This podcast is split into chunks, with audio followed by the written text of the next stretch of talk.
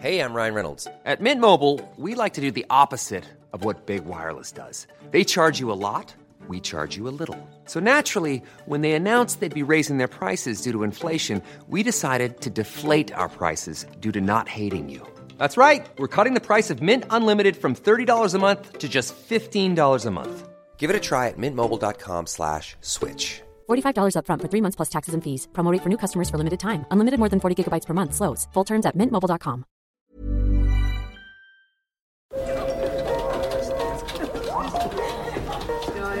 Dette er lyden av norsk næringsliv. Akkurat nå tas det små og store valg som kan bli avgjørende for fremtiden. Med økonomisystemet X-Leger tas disse beslutningene basert på informasjon i sanntid, slik at drømmer og ambisjoner kan bli virkelighet. Få kontroll og oversikt. Gå inn på xledger.no.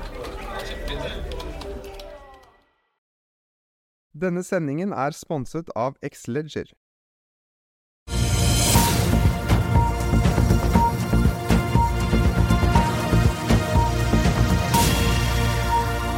En riktig god mandagsmorgen alle sammen, og velkommen til Børsmorgen her hos oss i Finansavisen. Mitt navn er Marius Lorentzen sammen med aksjekommentator Karl Ann Månes fra Smestadammen her i Oslo på den 8. januar, der vi sparker i gang en ny uke med et ventet børsfall fra start på 0,3 ifølge DNB Market og 0,4 ifølge Nordnett.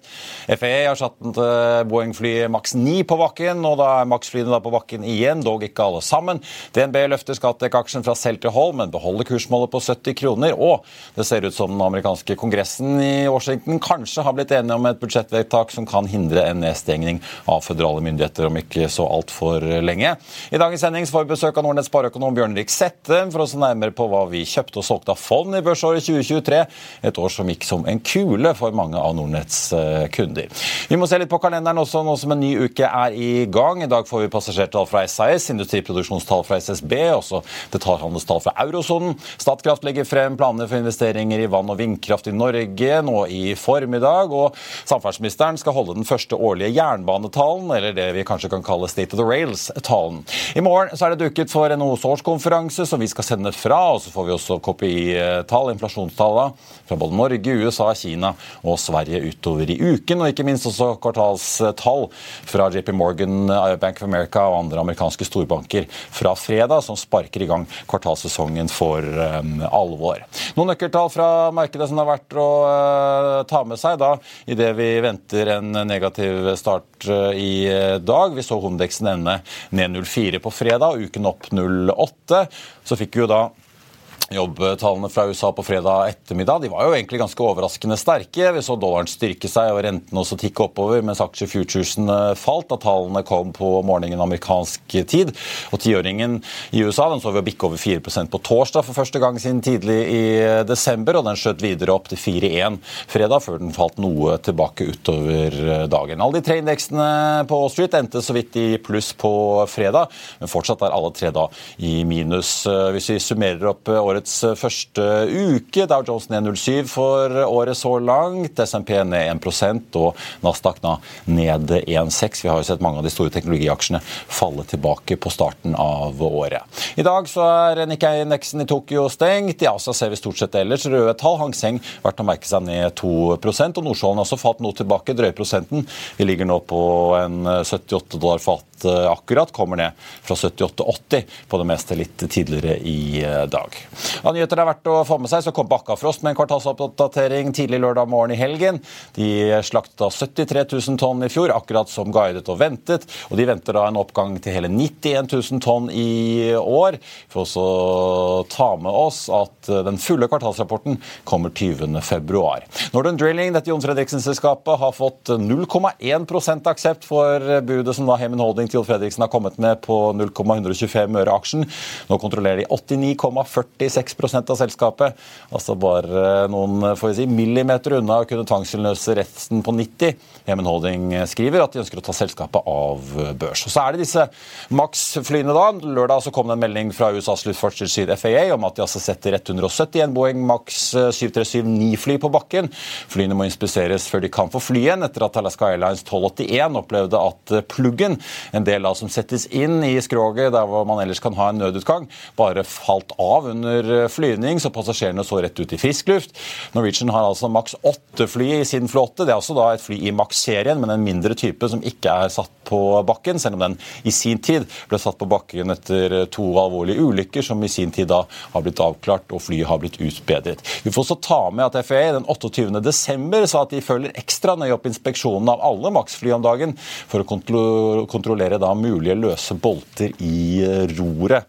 Så det er jo ikke sikkert da, Karl Johan, god morgen, at uh, problemene er helt over for uh, Boeing. De har jo hatt sin uh, får vi si, dose opp gjennom årene de siste ti årene nå, med Dreamliner, Max-fly på bakken. og Nå er de tilbake igjen på bakken, i hvert fall noen av de?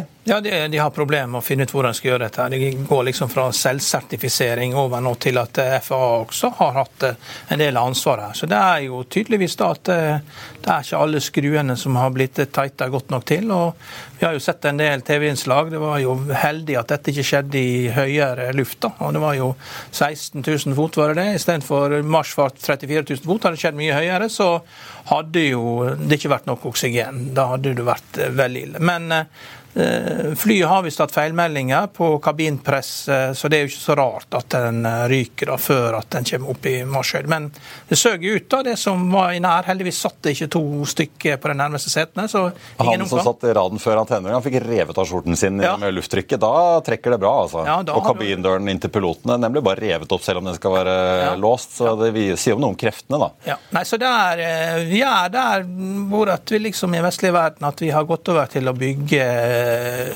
bygge fly med Excel-ark istedenfor at man liksom går gjennom dette. Dette her er jo noe som eh, Boeing har vært veldig god på å bygge fly før, har ikke hatt sånne problemer før. og De bygger opp og, og tar ned kapasitet, er verdensmestere på det. Så tror man må gå gjennom hvordan man bygger fly, på samme måte som vi må gå gjennom hvordan vi bygger båter. At vi liksom vi sørger for at eh, vi har kontroll med det vi driver på med, sånn at ikke flyene detter ned og båtene går ned når vi ikke er det nok Vasaskip og det er nok problemer. Så Vi må liksom ta et steg videre, vi må ikke gå tilbake i tid. Nei. Det er jo interessant å merke seg for de som mente at luftfarten skal klare å omstille seg teknologisk eh, og komme med noen helt nye flytyper med det første. Jeg hørte en podkast med Steven Udvar, grunnleggeren av Airlease Corporation, som er en av de største leasingselskapene i verden. Han var jo litt sånn Ja, ja, vi får se når denne nye trippel 7X fra Boeing eh, kommer, som ikke engang er et helt nytt fly. Det er bare et stort oppgradering av langdistanseflyet eh, trippel 7. Så det å komme helt nye flytyper fra Airbus og Boeing med det første det ligger kanskje mange år unna. Det er veldig rart at det skjer, for de har jo enorme rutiner. De, de står, når én mann står og skrur, så står den andre og noterer ved siden av hva du har skrudd. Så at dette har skjedd, det er i grunnen helt utrolig. Ja. Så får vi se. Håper for Norwegians del at det ikke viser seg at det er nye problemer med maks 8-flyet som de uh, flyr. De er for så vidt ned 1% fra start i dag. Men jeg tenkte Vi må snakke litt om råvaremarkedet. Du skriver i dagens avis USA oversvømmes av olje. Ja, nei, det var jo, Jeg har jo fått to varsel her. Jeg hadde Kalle Klev her i studio, og han sa jeg måtte kikke på Vodkas LNG. Ja, altså sjefen i Flex LNG og Avans? Ja. Altså, du, må, du må kikke litt på det markedet, hva som foregår. Jeg tenkte ok, da kommer radaren på. Og så kom jo Erbjørn Hansson da, med sitt eh, oljeprisanslag da, på 20-30 dollar fatet. og etter han har vært i USA, da tenkte jeg ok, dette, dette er ikke en analyse han sjøl har gjort. Nå har han snakka med noen. Og så plutselig så kom det intervjuet med Doomberg, som er den mest leste eh, finansielle podkasten. Eh, det kom et intervju med han. Han har kommet ut med en eh, rapport rett før jul, og da skjønte jeg at at her var det store ting på gang. Så det er jo rett og slett at når du har en enorm prisoppgang på en råvare, så er du garantert at du får eh, for stort tilbud senere. Og det er det som har skjedd. da, At tilbudet blir for stort ved at du har debottlenecka, du tar vare da på det som før var Før så har jo liksom propan vært en, en ressurs som har blitt kasta bort før i Saudi-Arabia, liksom, som bygde Bergesen opp det fra 80-tallet. Men Vodkas i USA det har, det har lagt liksom på 1-2 millioner fat per dag. Da. Men den enorme veksten som har vært i eh, produksjon av shale, gjør det mulig da å ta ut 7 millioner fat av dette. Du får ut propan, butan ja. Og det går rett til raffineriene. Ja. Det går til raffineriene og, og, øker produksjonen. Det er klart at Du merker jo ikke det i et marked om du har 101 eller 104 millioner fat. og All den bensin, Hvis du lager ekstra bensin, den, den går jo bare med produkttankskip nedover til Latin-Amerika og til Afrika. og det jo etterspørselen etter energi er ubegrensa. Det vet vi jo sjøl fra Norge. altså det, hvis du, det blir billig nok. Så, så det, det, er veldig interessant da, at uh, ja, det produseres mye mer olje enn hva man skulle tro. da.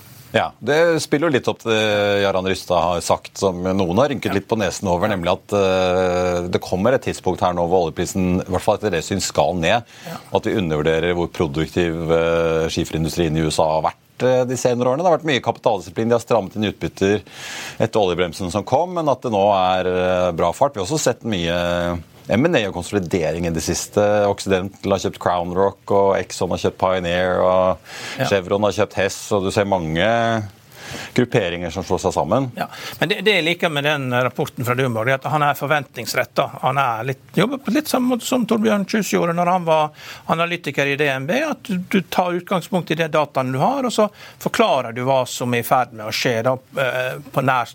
Eh, så det, det, Du trenger ikke liksom å være så veldig visjonær. Du bruker bare dataene som du har til å forklare hva som er i ferd med å skje. Da.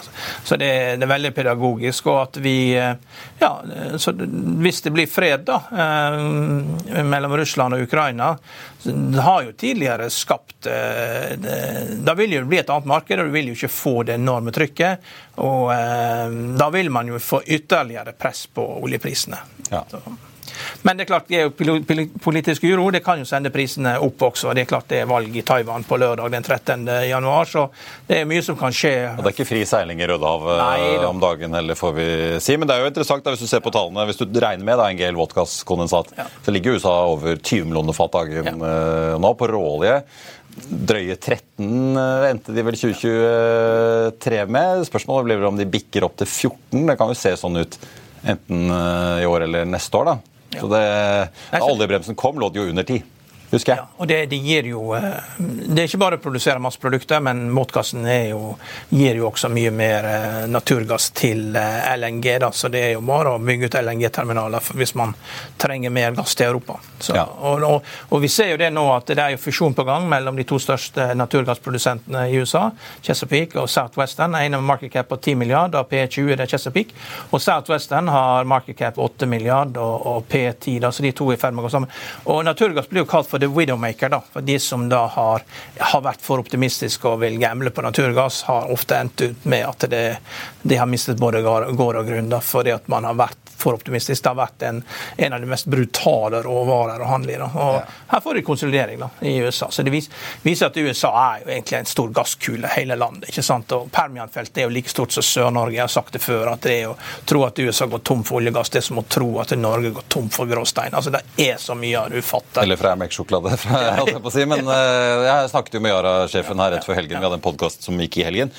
Og han påpekte også det er jo så grådig billig gass i USA, så når de skal etablere ny industri, produsere ammoniakk til disse skipene ja. de vil uh, få grønne, så er det jo veldig fristende å etablere seg alle andre steder enn i Europa. Altså, ja. Du går enten til Nord-Afrika, Midtøsten, du går til uh, USA.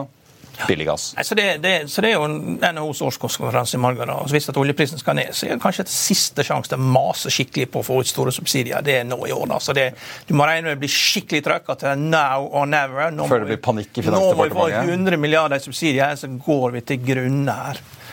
Og, altså det, jeg tok ut bare de siste estimatene fra Det internasjonale energibyrået. For, uh, hvor de venter at etterspørselen i 2023 økte med 2,3 millioner til nesten 102. Og i år venter de en etterspørselsvekst på 1,1, så det er jo Etterspørselen vokser jo, men den kan, bør kanskje vokse litt mer hvis man skal ta unna alt dette tilbudet som kommer inn i markedet. Ja, men det er klart, Når du, når du får det i form av petroleumsprodukter som du kan raffineres i USA, så er det mye lettere å absorbere enn når du skal sende råolje inn i markedet. For det er enorm etterspørsel etter bensin nedover eh, i Latin-Amerika og i Afrika. Da. Så det går jo med produkttankere nedover langs. Det er jo en grunn til at det er høye produkttankerater. Ja. Jo, eh, vi får jo aldri nok energi. Du, jeg vet ikke hvor mye du tittet ned i Nonfarm-tallene på fredag. Tiåringen har jo krøpet over fire igjen. Eh, en ting er at jobbtallene 216 000 mot ventet igjen 75 var bedre enn ventet. Vi har sett noe nedrevenering på de andre månedene tidligere i fjor, men jeg merket meg også, det var jo ventet at timelønnsveksten på årsbasis skulle tikke under 4% Det gjorde den ikke.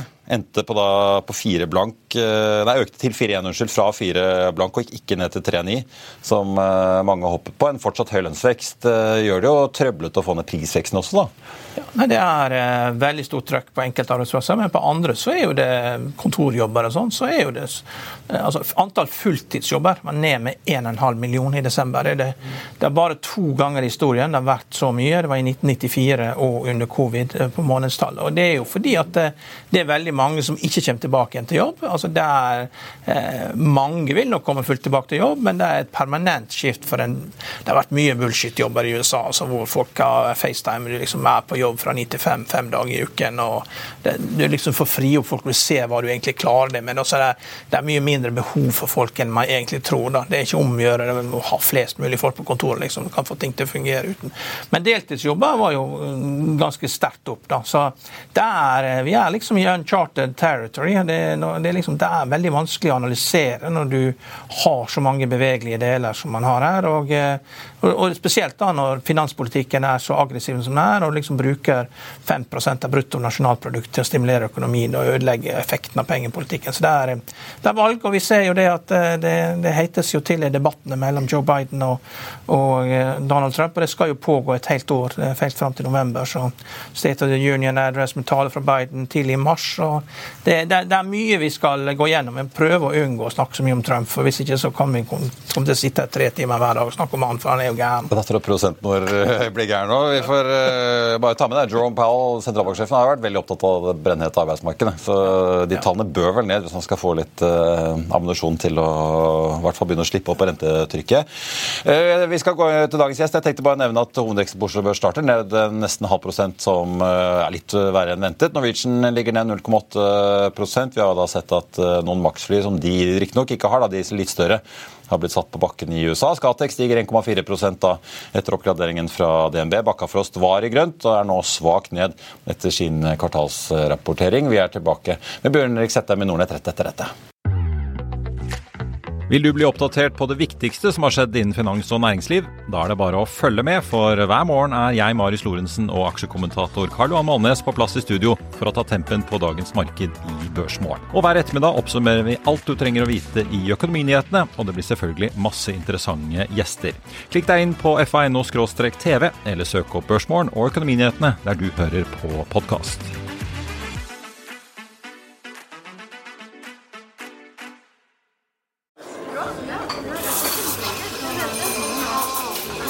Dette er lyden av norsk næringsliv.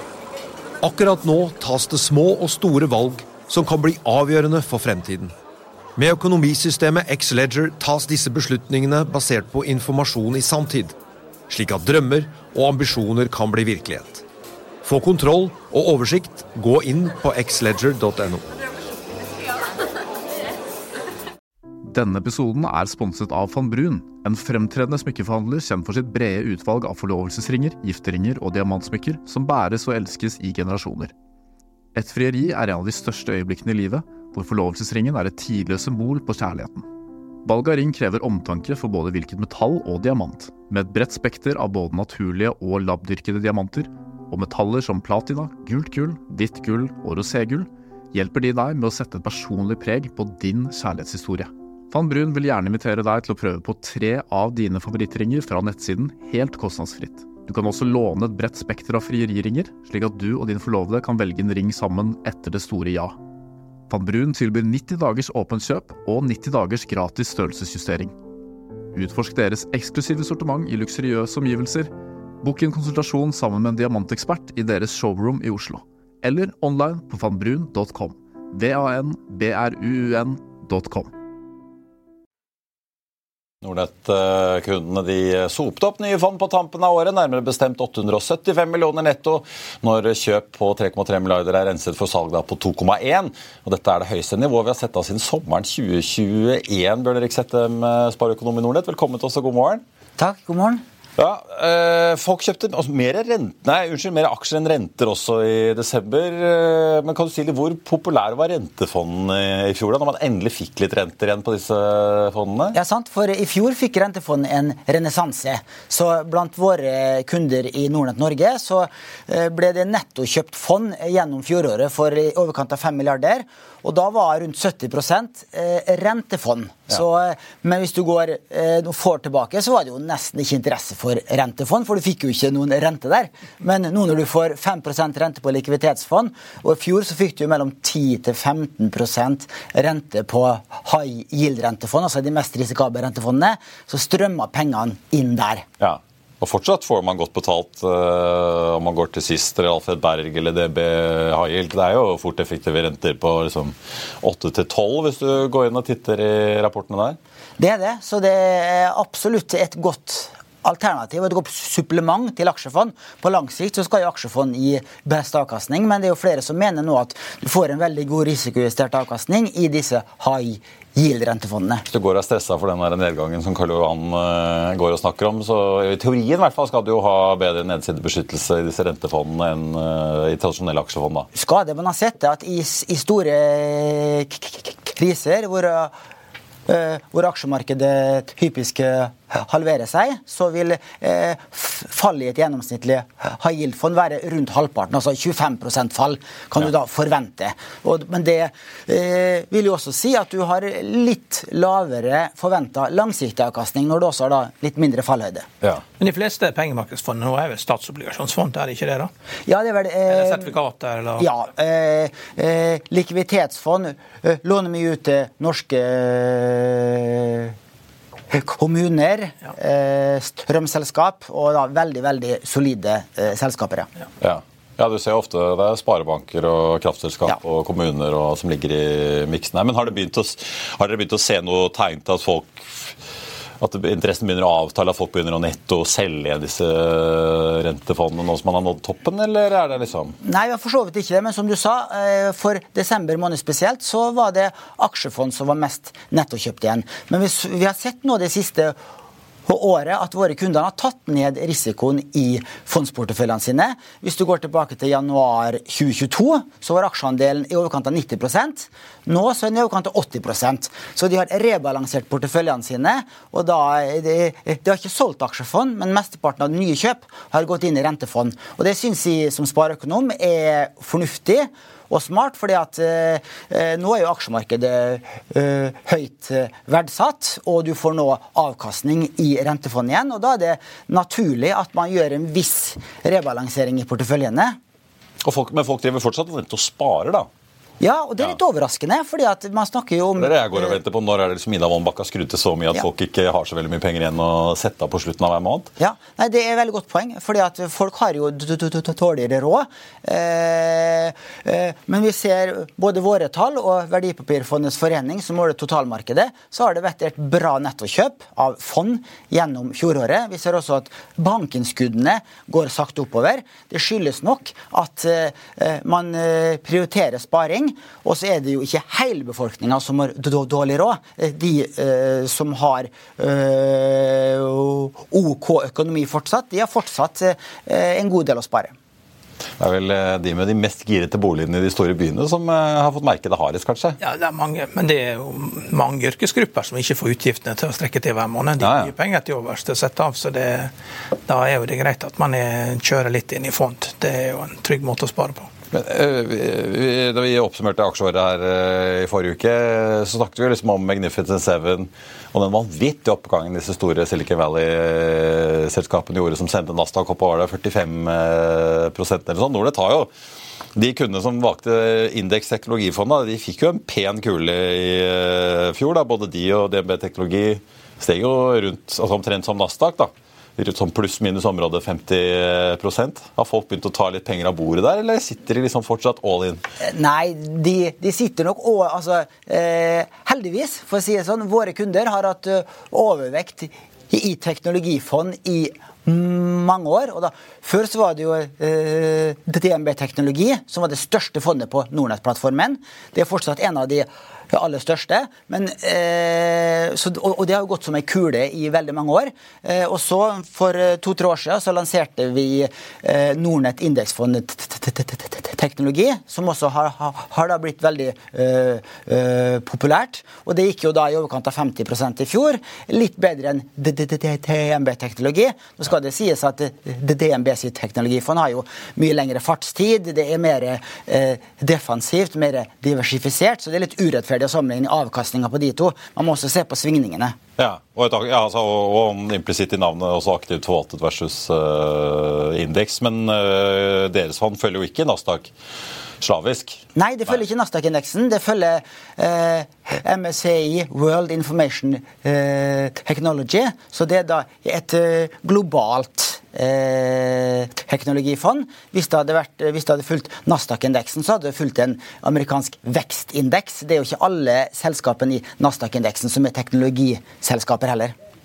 Uh, vi må snakke litt om valuta, for det pleier jo i hvert fall de siste årene å ha gitt en ganske god effekt uh, for uh, oss nordmenn. Eller i hvert fall i formen at avkastningen i kroner blir enda penere fordi kronen svekker seg. Vi fikk også litt sånn effekt i fjor?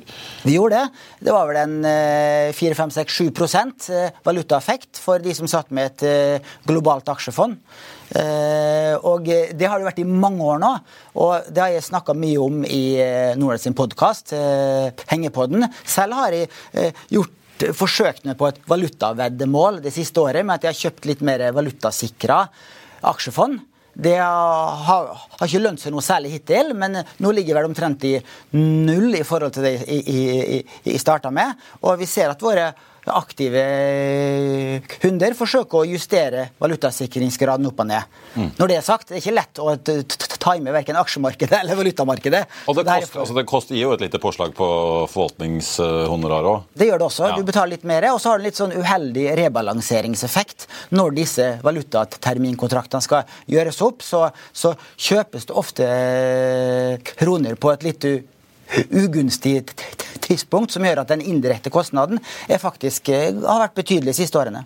Litt som Herman Rød på investordagen. Jeg snakket om shortingen sin. Han var ganske åpen på at uh, selv om han traff på et par veddebås, så tjente han nok noe penger. For det, det går mye kostnader. Og... Er å betale til de som du skal låne aksjer fra. Men det er klart, eh, nå, begynner vi å nærme oss et punkt hvor at, uh, vi kan få en nedgangskonjunktur, hvor du får da et kraftig rentefall i, USA. Og, og, det er viktig da, for, at du må, for å få stabilisere økonomien igjen. Da, at, det, men så lenge det er krig, så er det vanskelig at du får den effekten. og Da er vi i en krigsøkonomi. Men, men slutt, uh, sluttkapitlet her er at Federal Reserve senker renten med 200 basispunkt, første med en gang. Og det er første signalet til at de vil beskytte banksystemet sitt. Det er jo nå underbalanse liksom på Det ligger skjulte tap på 700 milliarder dollar i amerikanske banker og obligasjoner. Og hele det globale bankvesenet tapte 500 milliarder dollar i 2008 eh, under bankkrisen. Så det er store latente tap. En tredjedel ja, Da tenker du på holdte forfall? Holdte forfall obligasjoner. Ja. Ja, og, og, og, renten, når de nå går opp, og hvis du da får bedre stipring at de lange rentene går over de, de korte fordi at vi er er i en krigssituasjon, så, så, så det kommer jo bare nedgangskonjunkturer, det også. så på et eller annet tidspunkt, og Da har USA valget mellom skal du beskytte banksystemet ditt eller skal du beskytte dollaren. og Da lar du dollaren ryke. Du, du beskytter kjernen i økonomien din, og det er banksystemet. Det er dollaren som må ta det på dollaren som må ta det, og Da stuper dollaren, og da blir det mye billigere for oss å reise til USA. Fotball-VM i 2026 eh, ligger i bakhodet, kan bli litt billigere enn det er nå. Eh, men det er, eh, det er oppskriften. Men det, det, tar lengre tid enn vanlig når vi er i den type økonomi vi er i nå.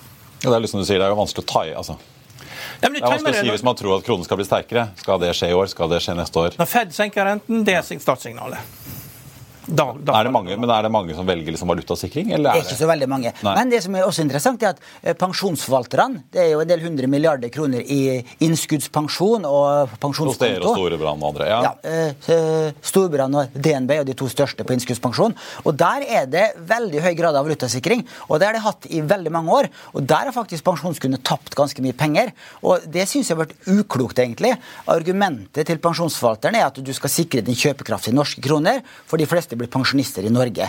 Det er en litt sannhet med modifikasjoner. Og så vet man jo også det at eh, det å sitte med en åpen valuta og ha valutaeksponering, det er en veldig gunstig støtputeeffekt. Fordi at i krisetider så svekker norske kroner seg, og da får du ikke hele det aksjefallet eh, det som du vanligvis får. Ja. Eh, fordi at når krona svekker seg, så vil da eh, det fallet eh, halveres i beste fall, som vi så i mars 2020, da verdensbørsa falt med 30% Satt ut med et globalt aksjefond som norsk investor, så falt det bare 15% Ja, fordi kronen tanket også i de ukene, ja. ukene der. Ja. Jeg tenkte, jeg synes det var litt interessant å se, for Du sendte over oversikten over hva folk kjøpte og solgte mest av hvis du ser hele, på hele fjoråret. da. Det var en del high yield-fond og høyrentefond som var på topp på kjøperen. Også for så vidt DNB teknologi og et par globale indeksfond. På salgssiden en ting var Nordnetts Indeks Norge-fond, om folk uh, tenkte at nå går det bedre ut enn hjemme. Det fikk de for så vidt rett i, da, for Oslo Børs var jo opp mindre enn uh, de utenlandske. Men også Handelsbanken Bærekraftig Energi og BlackRock World Energy, som er proppa full av oljeselskaper, var også på topp på nettosalgene. Det var det, og da, Spesielt disse fornybarfondene. Det var både Handelsbanken Bærekraftig Energi, ja. Storebrand Renewable Energy og Tematica Future Mobility. Eh, de eh, har jo levert veldig svak avkastning nå i to-tre år. Eh, og der har våre kunder nok tapt penger. Det er det motsatte eksempelet eh, fra teknologifond, hvor våre kunder har tjent masse på å være overvekta. På disse fornybarfondene så kom våre kunder, i likhet med andre fondskunder, eh, veldig seint inn i disse fornybarfondene etter de ene har steget 50-100 Og så stupte det jo igjen i eh, slutten av 2021. 2022. Nå har det jo bare vært nedgang i to år, og eh, det har ikke fått noe særlig oppsving så langt ennå heller. Så fornybarfond har vært et trist kapittel for eh, fondskunder generelt. Ja. Så langt får vi se. da. så Vi må jo appellere til miljøbevegelsen og gå ned da og sørge for å åpne, få åpna Suezkanalen igjen, for å få ned da karbonavtrykket og alle skipene som går rundt, og sende de i kamp mot Houthi-militiaen for å åpne eh, Rødehavet og Suezkanalen. Det vil være klart klimavennlig tiltak. Og Sparer du i hvert fall en uke på seilingen rundt minst Afrika? Minst to-tre ja. uker. Tenk på, det, tenk på hvor mye du eh, sparer verden for karbonutslipp. Så der er, Nå må man få litt action her. Litt sånn, eh, litt sånn uh, aktivisme. Ikke bare sitte og prate her i Norge. Vi sender Fredrik Haugen ned til Jemen og ja. får han ordna opp. Ja. Men fra veldig spøk til alvor, da.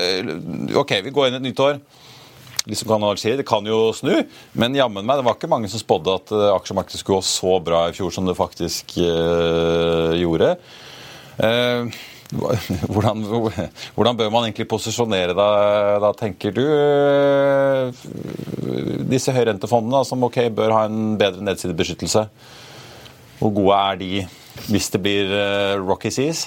Nei, hvis, det, hvis det blir uh, dårlige uh, tider, så kan du verken sitte i aksjefond eller i høyrentefond, for de faller også. Ja. Det er mer likt som et kombinasjonsfond. Du har sånn aksjerisiko i disse high yield-fondene, så hvis det blir skikkelig dårlige tider, så skal du jo sitte med bankinnskudd eller likviditetsfond eller lange statsobligasjonsfond. Ja. Som da eh, har negativ korrelasjon med aksjemarkedet i krisetider. Men ikke heller investment grade-obligasjoner? Ja, det gjør det ganske bra. Men ja.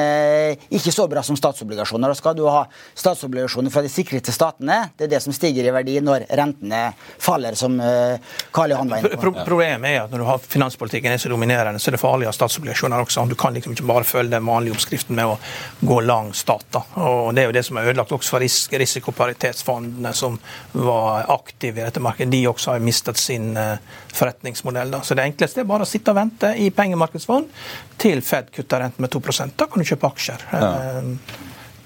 Så er det jo surt da, å gå glipp av Du fikk 9,9% på indeksen i fjor. Hvis det plutselig blir liksom 9,20 eller 9,15 til, så er det jo surt å sitte der med 4-5 da. Ja, det er akkurat det. Det er så vanskelig å vite hva som skjer. Eh, et eksempel på det er at høsten 2022 eh, var det vel, så gikk jo oljefondsjef Nicolai Tangen ut og sa at ja, nå blir det dårlige tider, nå kan du ikke forvente noe avkastning noe liksom. sted de fem til ti neste årene.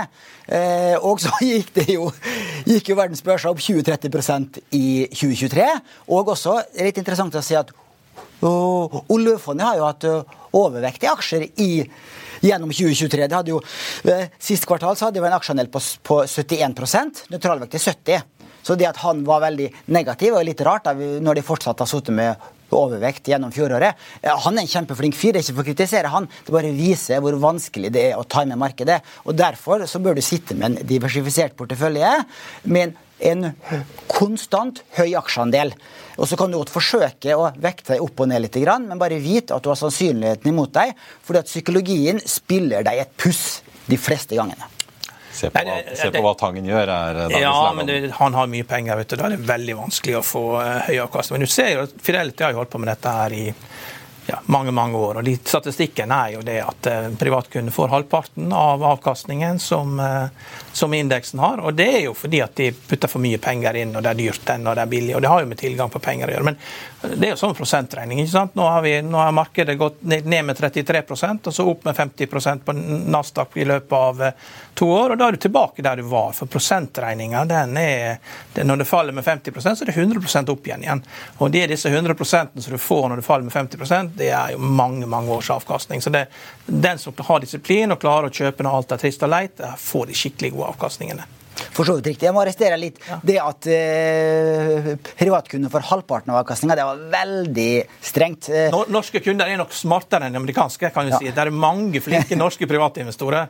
Men jeg tror det over tid, da, så hvis du tar, går tilbake til 2008 og tar med statistikken, og folk står på kontoret hos dere og gråt for de har tapt alle pengene sine Hvis du er ærlig og går tilbake hva som skjedde da, så var det veldig mye st- stygge tall. fordi nordmenn er jo Vi, vi diversifiserer ved å kjøpe flere oljeaksjer. Og kjøpe olje og oljeservice og rigg og supply og sånn. Det er norsk diversifikasjon. Altså det var veldig mange konsentrerte porteføljer som gikk rett i dass, for å si det rett. Det kan du kanskje si. Eh, når det gjelder fondskundene, i hvert fall, så er det en eh, mye brukt rapport. Det er den eh, Mind the Gap-rapporten til Morningstar. og Den viser at fondskundene får ca. 1 prosentpoeng dårligere avkastning enn fondet de har investert i, fordi at de kjøper og selger på feil tidspunkt, typisk. Og så, Hvis du ser på sektorfond, så er det enda litt større avvik, for at de svinger mer. Så Jo mer et fond svinger, jo, mm, jo mer taper kunden mot fondet. Ja, men, men det er imponerende å se. Altså, dere viser jo i Shareville det viser jo vi skal avkaste privatkunder.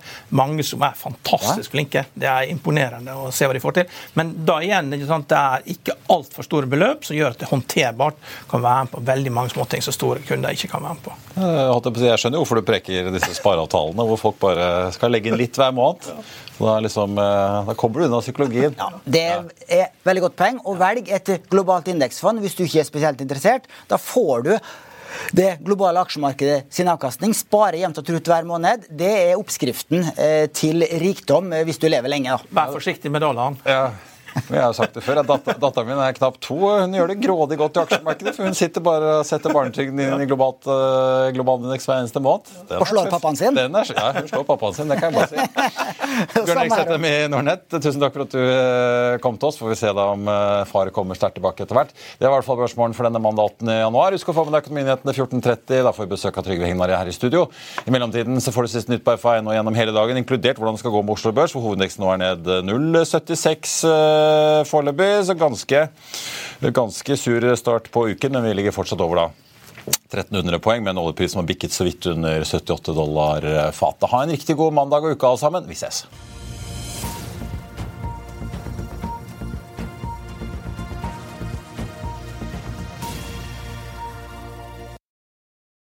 Denne sendingen er sponset av Xleger.